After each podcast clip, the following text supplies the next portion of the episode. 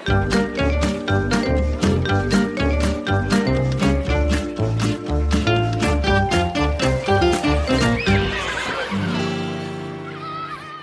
fortelles stadig historier om elever som opplevde stigma og utenforskap fordi de fikk faglig hjelp og støtte de hadde krav på, altså spesialundervisning, men som kanskje ikke ble gitt på riktig måte. Hvorfor er det så lett å bli stigmatisert eller få et stempel når man trenger spesialundervisning? Og må den skje på individnivå, eller bør det kanskje i større grad ses mot løsninger som inkluderer på gruppenivå? Vi ønsker velkommen til Lærerrommet, podkasten fra Utdanningsforbundet. Navnet mitt er Vigdis Alver. Og jeg heter Marianne Olsen Brøndtveit. I dag så skal vi inn i et komplekst felt, og gjestene våre vil forhåpentligvis male med litt brei pensel og forklare mer om tiltak, effekter og opplevelser av spesialundervisningen, som er under stadig debatt. For hva er egentlig god spesialundervisning? Og hvordan påvirker den læringsmiljøet til elevene? For å svare på disse og mange av de andre spørsmålene som vi sitter med, så har vi tre gjester med tre ulike blikk på temaet. Og vi sier velkommen til deg, Kim Aas, rektor ved Stigeråsen skole i Skien. Hei, veldig hyggelig å være her. Og velkommen til deg, Steinar Teie, førsteamanuensis ved Institutt for spesialpedagogikk ved Universitetet i Oslo. Ja, jeg er her. Og ikke minst så sier vi velkommen til deg, Daniel Lie. Du er 19 år og fortsatt skoleelev. Jo, takk, takk. Og Daniel, først høre med deg. Dine opplevelser av spesialundervisning de strekker seg langt tilbake, helt til barneskolen. Og hvordan har dine erfaringer med spesialundervisning vært? Eh, jo, mine erfaringer med spesialundervisning har vært mange og brede. Jeg har hatt god spesialundervisning, jeg har hatt dårlig spesialundervisning. Jeg har hatt spesialundervisning én til én, og spesialundervisning på gruppe og tilrettelagt undervisning i klassen. Så jeg har opplevd mye eh, forskjellig. Mm. Og du har også opplevd å være alene med lærer, mm. du har vært eh, på gruppenivå med lærer, du har opplevd at læreren har vært syk, og du har fått en ufaglært assistent, og du har opplevd noen dårlige holdninger eh, på skolene. Og du har hatt opplegg eh, til dels uten faglig innhold. Har du noen innsikt i hvorfor det gikk slik som det gjorde? Mm, først og fremst, jeg, jeg var veldig tidlig diagnosert med dysleksi. Jeg var, jeg var ute da i slutten av andre klasse og fikk diagnosen i tredje klasse. Så jeg var fort tatt ut i grøyper, da. Så veldig tidlig så var jeg tatt ut i ekstra norsktime for å lære meg å lese og regne, som jeg sleit veldig mye med. Og det gikk veldig dårlig fordi jeg fikk ufaglærte lærere som ikke visste hva, hvordan de skulle tilrettelegge for en dyslektiker, hvordan de skulle undervise en som ikke kunne forstå tall, eller, eller kunne forstå bokstaver, hvordan kunne de bokstavene bli, bli et ord? Mm. Så de gjorde sitt beste, men det var ikke godt nok for å undervise meg. Ja. Så når du hadde kvalifiserte lærere, så gikk det kanskje bedre? Ja, jeg har jo også hatt klart spesialpedagoger til å undervise meg, men det har vært mindre av. Mm. Hvordan burde det heller ha blitt løst, slik du tenker på det nå? Så klart, uh, i dag så har jeg på videregående så har jeg tilrettelagt i klasserommet, der jeg har hatt, uh, der jeg har hatt eget pensum, eller tilrettelagt pensum der jeg kunne jobbe selv med mine hjelpemidler, og det har fungert veldig fint for meg. Og jeg skulle ønske jeg hadde hatt det i flere fag, da, for eksempel ungdomsskolen, men jeg sa også dette behovet mitt ved å ha spesialundervisning og sitte i grupper, da, ettersom jeg hang så langt bak i mange fag, ettersom jeg ikke knakk lesekoden før femte klasse. Da var det ikke optimalt for meg å sitte i klasserommet og ha norskundervisning når jeg ikke klarte å følge med. Men så klart, jeg skulle ønske jeg hadde hatt lærere som forsto mine behov, forsto mine vansker, da, som kunne hjulpet meg og fått ut mitt beste og ikke gjort skoledagen min til noe negativt. Mm. Førsteamanuensis Steinar Teie, du har forska i en årrekke på bl.a. spesialundervisning og spesialpedagogiske grep i skolen. Eh, hvorfor er dette ofte en litt sånn vanskelig nøtt å knekke for barnehager og skole? Ja, altså det er vanskelig å knekke primært fordi man må rydde i diskusjon. Eh, veldig ofte så diskuterer man eh, spesialundervisning uten å tenke at spesialundervisning er ganske dårlig. Den gis av ufaglærte. Det er ingen intensjon i lovverket at vi skal ha barn som er ensomme utenom klassen. Men det er klart at vi har ikke noen annen mulighet så lenge ikke det brukes kompetente både lærere og spesialpedagoger, så vil vi få den situasjonen. Hadde du skilt den diskusjonen og sett på noe som Daniel er inne på her, sett på de situasjonene hvor du har kompetent personale, så hadde diskusjonen og bildet garantert blitt annerledes. Men her blir det en sammenblanding av grøt, en stor grøt, av eh, ufaglærte som ikke vet hvordan de skal gjøre det, og en assistent som ikke vet hvordan man skal gjøre det. Og en assistent, det er altså assistenten til læreren. Det er ikke assistenten til eleven. Og det glemmer man å tenke, og derfor får du situasjoner hvor faktisk spesialundervisning i lange perioder blir bare gitt assistenter uten noe konsulenthjelp, noe råd, noe tilrettelegging og veiledning fra f.eks. en lærer eller en helsespesialpedagog. Så hva er god spesialundervisning, slik du ser det? God spesialundervisning, det, det, er, det, er, et ganske vanskelig spørsmål å svare på. Jeg skal forsøke å være kort. Mm. Spesialundervisning må ses i sammenheng med ordinær undervisning. Det betyr at spesialundervisningen skal supplere en vanlig ordinær undervisning. Det betyr at den undervisningen som elevene får, den skal være tilrettelagt. Den skal svare på de behovene som elevene har. Det skal være en individuell opplæringsplan som spesifikt knytter metodikk, hvordan man skal jobbe, til det problemet som skal løses. Veldig ofte så ser vi at uh, individuelle opplæringsplaner er umulig å evaluere, fordi de peker ikke i noen retning som gjør det mulig å evaluere dem. Og disse individuelle opplæringsplanene som man eh, skriver, og som da altså eh, beskriver hvordan spesialundervisning skal være, de har du også vært kritisk til, eh, Kim Aas? Ja, eller jeg har vært um, først og fremst kritisk, eller stilt spørsmål knytta til de sakkyndige vurderingene. For det er utgangspunktet, da. Som, det er jo den som legger uh, retningen for hvordan opplæringa skal foregå. Og spesialundervisning det kan være veldig mye forskjellig. Det kan være knytta til bare atferd. Det kan være knytta til spesifikke fagvansker. Det kan være atferd og lærevansker. Så det er et veldig breit spekter. Men uh, det som jeg har vært kritisk til en del ganger, eller stilt spørsmål ved, er at de sakkyndige vurderingene egentlig er beskrivelse av ordinær pedagogisk virksomhet, hvor jeg tenker at dette handler om at læringsmiljøet har vært dårlig, som har ført til at en elev ikke er aldersadekvat, og derfor får spesialundervisning. Som for eksempel at en elevs nivå beskrives som en fjerdeklassing og går i sjette klasse?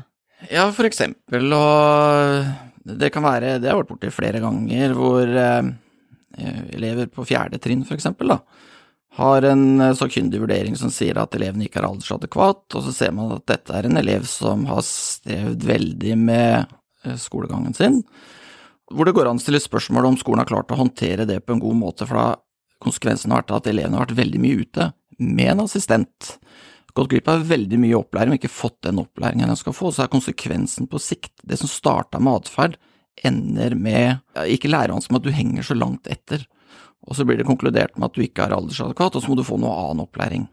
Du har jo også tanker om hvor grensa går mellom tilpasset opplæring og spesialundervisning. Kan du si litt om det? Eh, ja, altså jeg er veldig forsiktig med å bruke grenser, men eh, vi har som et utgangspunkt da, at hvis man er eh, to alderstrinn under, så begynner vi å undre oss rundt det. Men det er viktig å understreke at det vi er først og fremst opptatt av, er om det er en positiv utvikling så er ikke vi så opptatt av om man ligger ett år etter eller to år etter.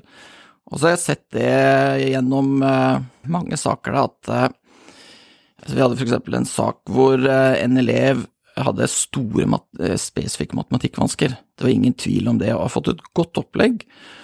Og fått en ny sakkyndig vurdering som var veldig god. Og når vi skulle lage en IOP da, så ble det tatt utgangspunkt i at eleven ikke ville være aldersadekvat når sjuende trinn var ferdig, men det var rimelig å tenke at det skulle ligge på ca. fjerde trinn. Og så begynte vi å gå inn og se hva det står i læreplanen, eller K06, hva står det der at eleven skal kunne for fjerde trinn og for sjuende trinn? Og så begynte vi å gå veldig nøye gjennom og se hva står det på sjuende trinn, hva står det på fjerde trinn, er det noe av dette som er mulig for eleven å oppnå likevel? Og så gikk gjennom det her på nytt med PP-rådgiveren, eh, så så vi at eh, oi, det var ganske mange emner som det gikk an å gjøre sammen med klassen allikevel. Så det ble en helt annen IOP enn det hvis ikke vi hadde tatt en ekstra runde, så hadde det sett helt annerledes ut. Tidligere så var du rektor ved Mæla ungdomsskole, og både der og nå på skolen du er nå, så har du tatt tak i spesialundervisningen på litt på den måten du forteller nå. Og ved Mæla så ble resultatet faktisk bedre resultater, selv om langt færre fikk vedtak om spesialundervisning. Og dere ser noe av det samme nå, ettersom jeg skjønner, en tendens. Hvilke hovedgrep ble gjort for å få til dette, kan du si litt mer om det? Ja, vi, vi jobba veldig mye med elev- og læringssyn. For vi tenker at dette er helt nødvendige betingelser for å møte de elevene på rett måte. For det går an å se for seg at man har et normalitetsperspektiv som er for smalt. Så hvis det er litt annerledes sett, så blir det definert som noe som må få noe eget. Jeg setter det litt på spissen nå. Eh, så vi hadde en eh, runde på det, hva, hva legger vi i normalitet? Vi prata en del om hva er likeverdig opplæring, for det er også et begrep. Og det gir ganske stort handlingsrom til skolene, fordi det er ikke sånn at alle må klare alle læringsmål like godt. Du kan godt klare komme gjennom noen læringsmål på lavere nivå, du trenger ikke ha den fulle og hele innsikt på alle kompetansemåla. Så det jobba vi veldig mye på. Og hva er det som er viktig? Hva står i K06 at du skal ha kjennskap til? Hva er det du skal kunne? Og vi var litt mer spissa på hvor skal vi ha fokus. Og gjennom det arbeidet så jobba vi mye med pedagogisk analyse for å finne ut hva opprettholdende faktorer, altså hva, hva eleven trenger av tilpasninger, og hva vi kan gjøre annerledes i undervisninga. Og det høres veldig enkelt ut, men eh, det var det i hovedsak det gjorde. Så det handla om å endre praksis litt. Terje, henger kvaliteten på eller mengden av spesialundervisning sammen med skolens undervisningspraksis og organisering? Altså Først vil jeg jo si det, det, da til Kim her at eh, hadde norske skoler hatt en rektor som tok et sånt ansvar, så hadde det også sett annerledes ut. Fordi dette krever ledelse. For meg høres det ikke enkelt ut. Men eh, jeg vet også hvor vanskelig det er å få et lærerpersonale til å gå i takt. Og det må også være sånn at eh, det er, må ikke være enkelte lærers individuelle ansvar å sørge for at elever får god undervisning. Det må være et kollektivt ansvar. Sånn at eh, når det gjelder spesialundervisning, så er dette her helt ekstremt viktig.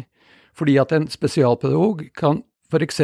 ha en elev i noen timer i uka, men eleven skal være der resten av uka uten den spesialpedagogen. Så det må være et tett samarbeid mellom de som gir den ordinære undervisningen og spesialundervisningen. Så jeg tror, tror, eh, tror Kim her er inne på noe vesentlig. Men når det gjelder dette med mengde og kvalitet, så er det to forskjellige ting, det. Du kan ha masse spesialundervisning, men du kan ha elendig kvalitet. Så derfor så går det ikke an å knytte de to ordene sammen. Hvis spesialundervisningen hadde vært god, så ville du gått ned i mengde. Det er jeg helt sikker på. Når jeg mener med god spesialundervisning, så tenker jeg ikke bare på metode, jeg tenker faktisk på at det er et kollektivt ansvar å bringe denne eleven fram. Og alle elever skal ha ulike læringsmål når det gjelder spesialundervisning. Også ofte når det gjelder tilpasset opplæring. Men for spesialundervisning så er det det det handler om. Det handler om å løse et problem som en elev, en familie, kommer med til skolen, og da må du ha kompetanse til å se det, og så må du ha kompetanse til å gi eleven adekvat metodikk. For Du snakker om kompetanse her. Ja. Kan lære- og skoleledere nok om de utfordringene som ligger i de ulike spesialpedagogiske behovene da, som elevene kommer til skolen med? Nei. Og det er jo derfor vi har spesialpedagoger. Altså, de kan ikke nok. Og det er ikke noe kritikk. Det er for eksempel, det kan være en kritikk av lærerutdanningen. Fordi at det fokuseres for lite på disse tingene i lærerutdanning, som gjør at lærere og rektorer, når det kommer ut, ikke har verktøyene. Ikke har mulighet til å se ting. Og derfor er også dette med, eh, som Kim nevnte her, med, med sakkyndig vurdering ekstremt viktig. Så hvis også det leddet som skolen er avhengig av å snakke med, altså i dette tilfellet PP-tjenesten, hvis dette svikter, så får jo ikke skolen noe hjelp. Og så blir det veldig ofte en slags prøving og feiling-metodikk som frustrerer både eleven og læreren. Ja, Kim Aas, inkludering, elevsyn og klassemiljø, det er jo noe av det du som rektor har satt høyest når det gjelder det vi snakker om nå, og da både faglig og sosialt. Hvordan henger dette sammen? Det er et veldig interessant spørsmål, for det, det kan se ut som eh, om jo mer man lykkes med inkludering, så er min erfaring, da, den er jo noe begrensa, men min erfaring da med mine skoler er at da elevene trives bedre og presterer bedre. Og så henger dette her veldig sammen med at da har man også lærere som er veldig flinke til å se elevene. Så jeg må skille veldig på spesialundervisning. Man har noe som er udiskutabelt, og som er ganske alvorlige utfordringer for den enkelte elev, da, som de trenger masse kvalifisert hjelp eh, for å ivareta.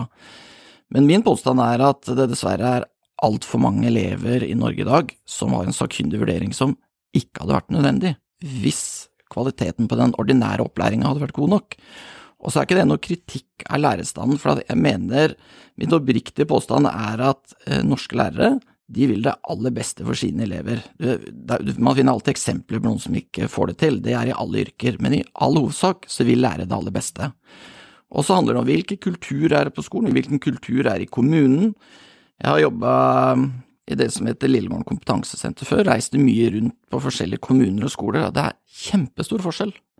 Og man blir jo fanga av det stedet man jobber. Men eh, en sånn interessant ting som jeg la merke til, da, var at Eh, vi hadde noen tilfeller der elever hadde sakkyndige vurderinger, så for meg var det en oppskrift på en veldig god pedagogisk praksis, og så jeg tenkte at dette er skrevet fordi at der den eleven gikk, var det ikke det. Og så har PP-tjenesten valgt å skrive en god oppskrift.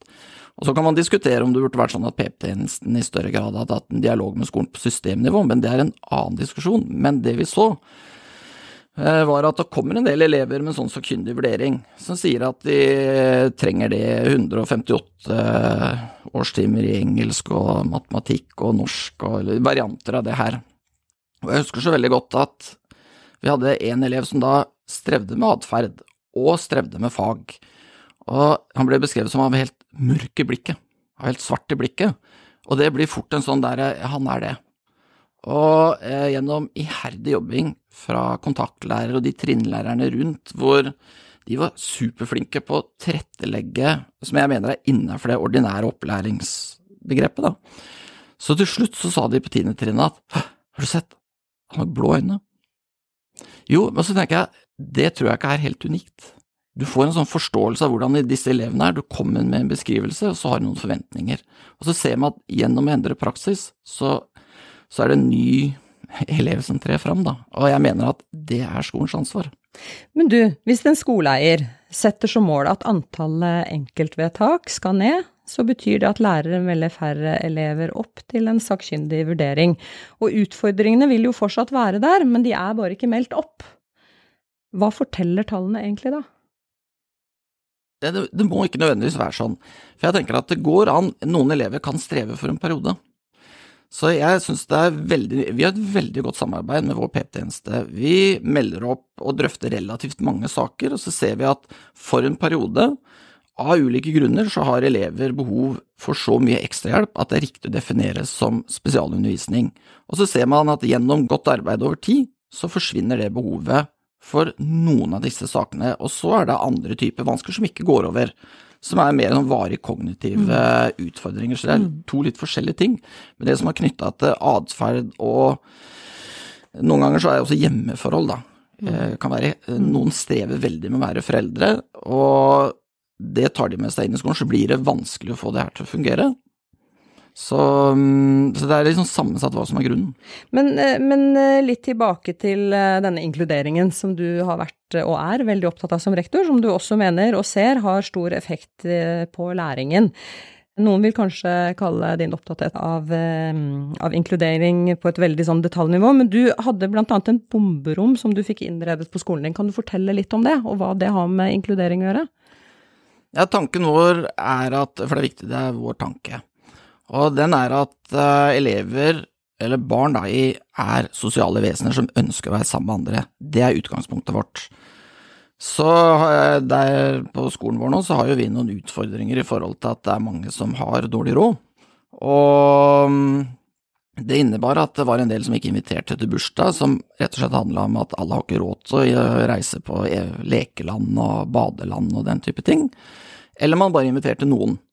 Og det var litt påfallende hvem som ikke ble invitert, så da tenkte vi at da lager vi et eh, rom som alle kan bruke, blant annet til bursdagsfeiring, for at hvis eh, skal du skape fellesskap, så må du legge til rette for det. Men så er tanken med det er at hvis elevene har det bra på skolen, hvis de ser at det er en skole der de voksne bryr seg, både lærere og assistenter og alle som er der, så gjør det noe med trivselen på skolen. Hvis trivselen på skolen er bra, så presterer de bedre. Det er vår opplevelse. Terje, du lyst til å kommentere? Ja, jeg har lyst til å kommentere dette med, for dette er en vanlig situasjon, at man nesten gir en økonomisk begrunnelse for, for hvordan eh, spesialundervisning skal, skal, foregå. F.eks. ved å si at antall enkeltvedtak må ned. Det er å begynne fullstendig feil ende. Alle elever har krav på enkeltvedtak hvis det er visse betingelser til stede. Og så får man ta mengden sånn som den kommer. Man må begynne helt på andre deler av skolesystemet og den enkelte skole for å få ned Det er en målsetting å få ned enkeltvedtak. Men det er ikke en økonomisk det, er, det, skal ikke være en økonomisk ramme som skal styre da den faglige virksomheten på hver enkelt skole. Jeg støtter det veldig. Utgangspunktet må være hvem har et reelt behov for dette. Og så er det like viktig de som ikke har det fordi at opplæringa ikke er god nok, så må opplæringa endres. Og de som skal få det, de skal få det med høy kvalitet. Vi snakker litt om å på en måte stoppe opp litt og stille spørsmål med hvordan man arbeider her. Gjør man det nok i norsk skole, Terje? Altså, det er Det er nesten umulig å Du kan ikke svare ja eller nei på det spørsmålet, fordi dette vil variere veldig. Eh, og det vil variere veldig med både hvordan du tenker at man skal jobbe, eh, hvordan du tenker at elevene skal trives, Inkludering handler både om å organisere ting på skolen på en riktig måte, motivere lærere til å gå inn i et felles arbeid for å gjøre rammevilkårene for hver enkelt elev bra. Og så handler det om at elever skal lære. Altså Det er derfor de går der, en, i hvert fall en av grunnene, en viktig grunn. At de skal lære å utvikle kunnskapen sin, og så skal de faktisk også lære å være sosiale mennesker. Så at det er de forholdene må på plass, og da må alle som får spesialundervisning, har et individuelt behov. Men det behovet kan ikke løses bare individuelt, det må løses i en ramme som tar hensyn til bl.a. de faktorene jeg nevnte nå. Men hva vet vi om hvordan det går med elever som har fått spesialundervisning i skolen? Hvordan påvirker det elevenes selvbilde, da, hvis vi skal trekke fram det aspektet? Altså, all undervisning påvirker selvbildet. Det er bare spørsmål om hvordan det påvirker det. Så god spesialundervisning vil påvirke selvbildet positivt. Dårlig spesialundervisning vil forsterke det negative selvbildet som sannsynligvis de elevene har. Og det er akkurat samme som all annen undervisning. Så undervisningen er ikke noe som ligger utenfor hvordan vi mentalt har det. Den er med på å påvirke de mentale prosessene som vi har hver dag på skolen. Kimos, du har jo spesialpedagogisk bakgrunn i utdannelsen din også, og hva har det hatt å si for hvordan du har ledet skolene du har jobbet på?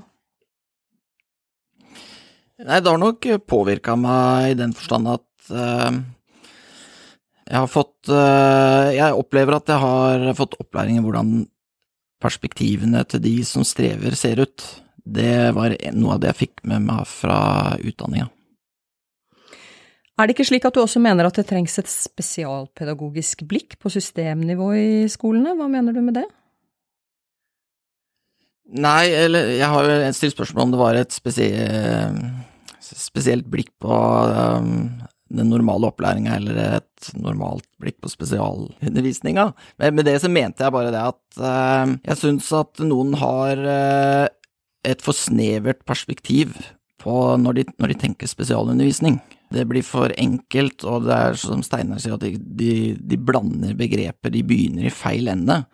Så jeg skulle ønske at man tok utgangspunkt i en litt sånn breiere normalitetsforståelse og tenke at hva er det som er normalt? Altså, Hvis man sliter med dysleksi, og så man, er man god på å tilrettelegge med tekniske hjelpemidler, med tilpasning med prøver, muntlige prøver istedenfor skriftlige prøver, det er så mange ting man kan gjøre, og så stiller jeg spørsmålet er det ordinær opplæring, eller er det så spesielt? At det er spesialundervisning. For da blir det fort sånn at er det det, ja, men da blir det fort på utsida. Så jeg tenker at man tenker at det er en del av det normale, da. Og min erfaring er at det gjør noe med elevene. Så bare skyte inn det jeg tror veldig mange glemmer, er å snakke med elevene. Hva syns de? Hvordan opplever de dette? Hvordan kan vi gjøre det annerledes? Og det har jeg opplevd veldig mange ganger dessverre, at når vi spør om det, så sier de at ja, de snakker som på vegne av eleven. Så spør jeg, men hva sier eleven selv? Det har jeg ikke snakka med eleven om. Daniel, ja. vi startet med deg. Ja, det gjorde vi. Og nå har du hørt eksempler både fra skoler du selv ikke har gått, og fra forskningen. Hvilke tanker gjør du deg? Det bruker veldig mye fagord, da, først og fremst, så jeg sitter ja, Ettersom jeg har ingen utdannelse selv ennå, så har jeg ja. Nei, eh, jeg hører det mye Det sier mye klokt, da. Jeg er helt enig med mye sier at spesialundervisning er veldig bredt, det er veldig dårlig, det er mye ufaglærte som gjør så det veldig vanskelig å det gjør det veldig vanskelig for elevene som ikke som møter lærere som ikke har noe erfaring. da. Jeg har jo hatt en lærer som i spesialundervisning som har gått sagt rett opp til meg at jeg er dum, så påpekte alt fra hvordan jeg holdte pennen min, til hvordan jeg ikke klarte å stave. Hvordan jeg gjorde gangestykket feil, fordi når jeg ganger, da, så ganga jeg fra høyre nedover, mens han gjorde fra venstre nedover da, når de skrev stykkene, og det var veldig feil for han, for han var veldig gammeldags, og dette gikk ikke. Og han sa det, og fordi jeg hadde den i tillegg i andre fag, så sa han det veldig åpentlig til klassen, da, at jeg var dum. Og dette var Og jeg var lat. Og det var ikke noen diagnose for meg. Vi har tidligere snakket om selvbilde. Ja. Hva har eh, disse årene gjort med ditt selvbilde? Eh, De første årene mine på skolen der jeg var, fikk mye spesialundervisning i de fleste fag, så var det Jeg fikk veldig dårlig selvbilde. Jeg sleit veldig kreftig med meg selv. Jeg endte opp med å gå veldig mørkt. Jeg traff veggen. Jeg sleit med å komme meg på skolen. Hver dag var en kamp, og det, vært, og det har det vært frem til nå. Hver dag er en kamp for meg på skolen. Selv mitt selvbilde har blitt mye bedre, for jeg har fått tilrettelagt undervisning, jeg har fått bedre spesialundervisning. Noen jeg har hatt det, i, fra, fra, eller, så jeg har fått i det nye tid fra tidligere, men jeg sleit med mitt forbilde frem til en dag i dag. Det har blitt bedre, men det tok lang tid, mye tårer, mye svette, for å klare å komme meg til punkt jeg var før jeg fikk spesialundervisning. Kim Aas har han snakket om snakk med elevene. Hva skulle du ønske at læreren hadde spurt deg om underveis i din skolegang? Jeg skulle ønske spurt, at de spurte meg hvordan lærer jeg best? Hvordan liker jeg å ha undervisningen? Jeg, jeg har møtt lærere som har gjort det, men jeg har også møtt lærere som ikke har bøyd seg, eller som har spurt, men så har ikke bøyd seg i det hele tatt. De har sagt ok, du liker å lære å ha det muntlig, da, ja, men jeg liker best at vi sitter og skriver alle glosete på deres, da gjør vi det. Så ja.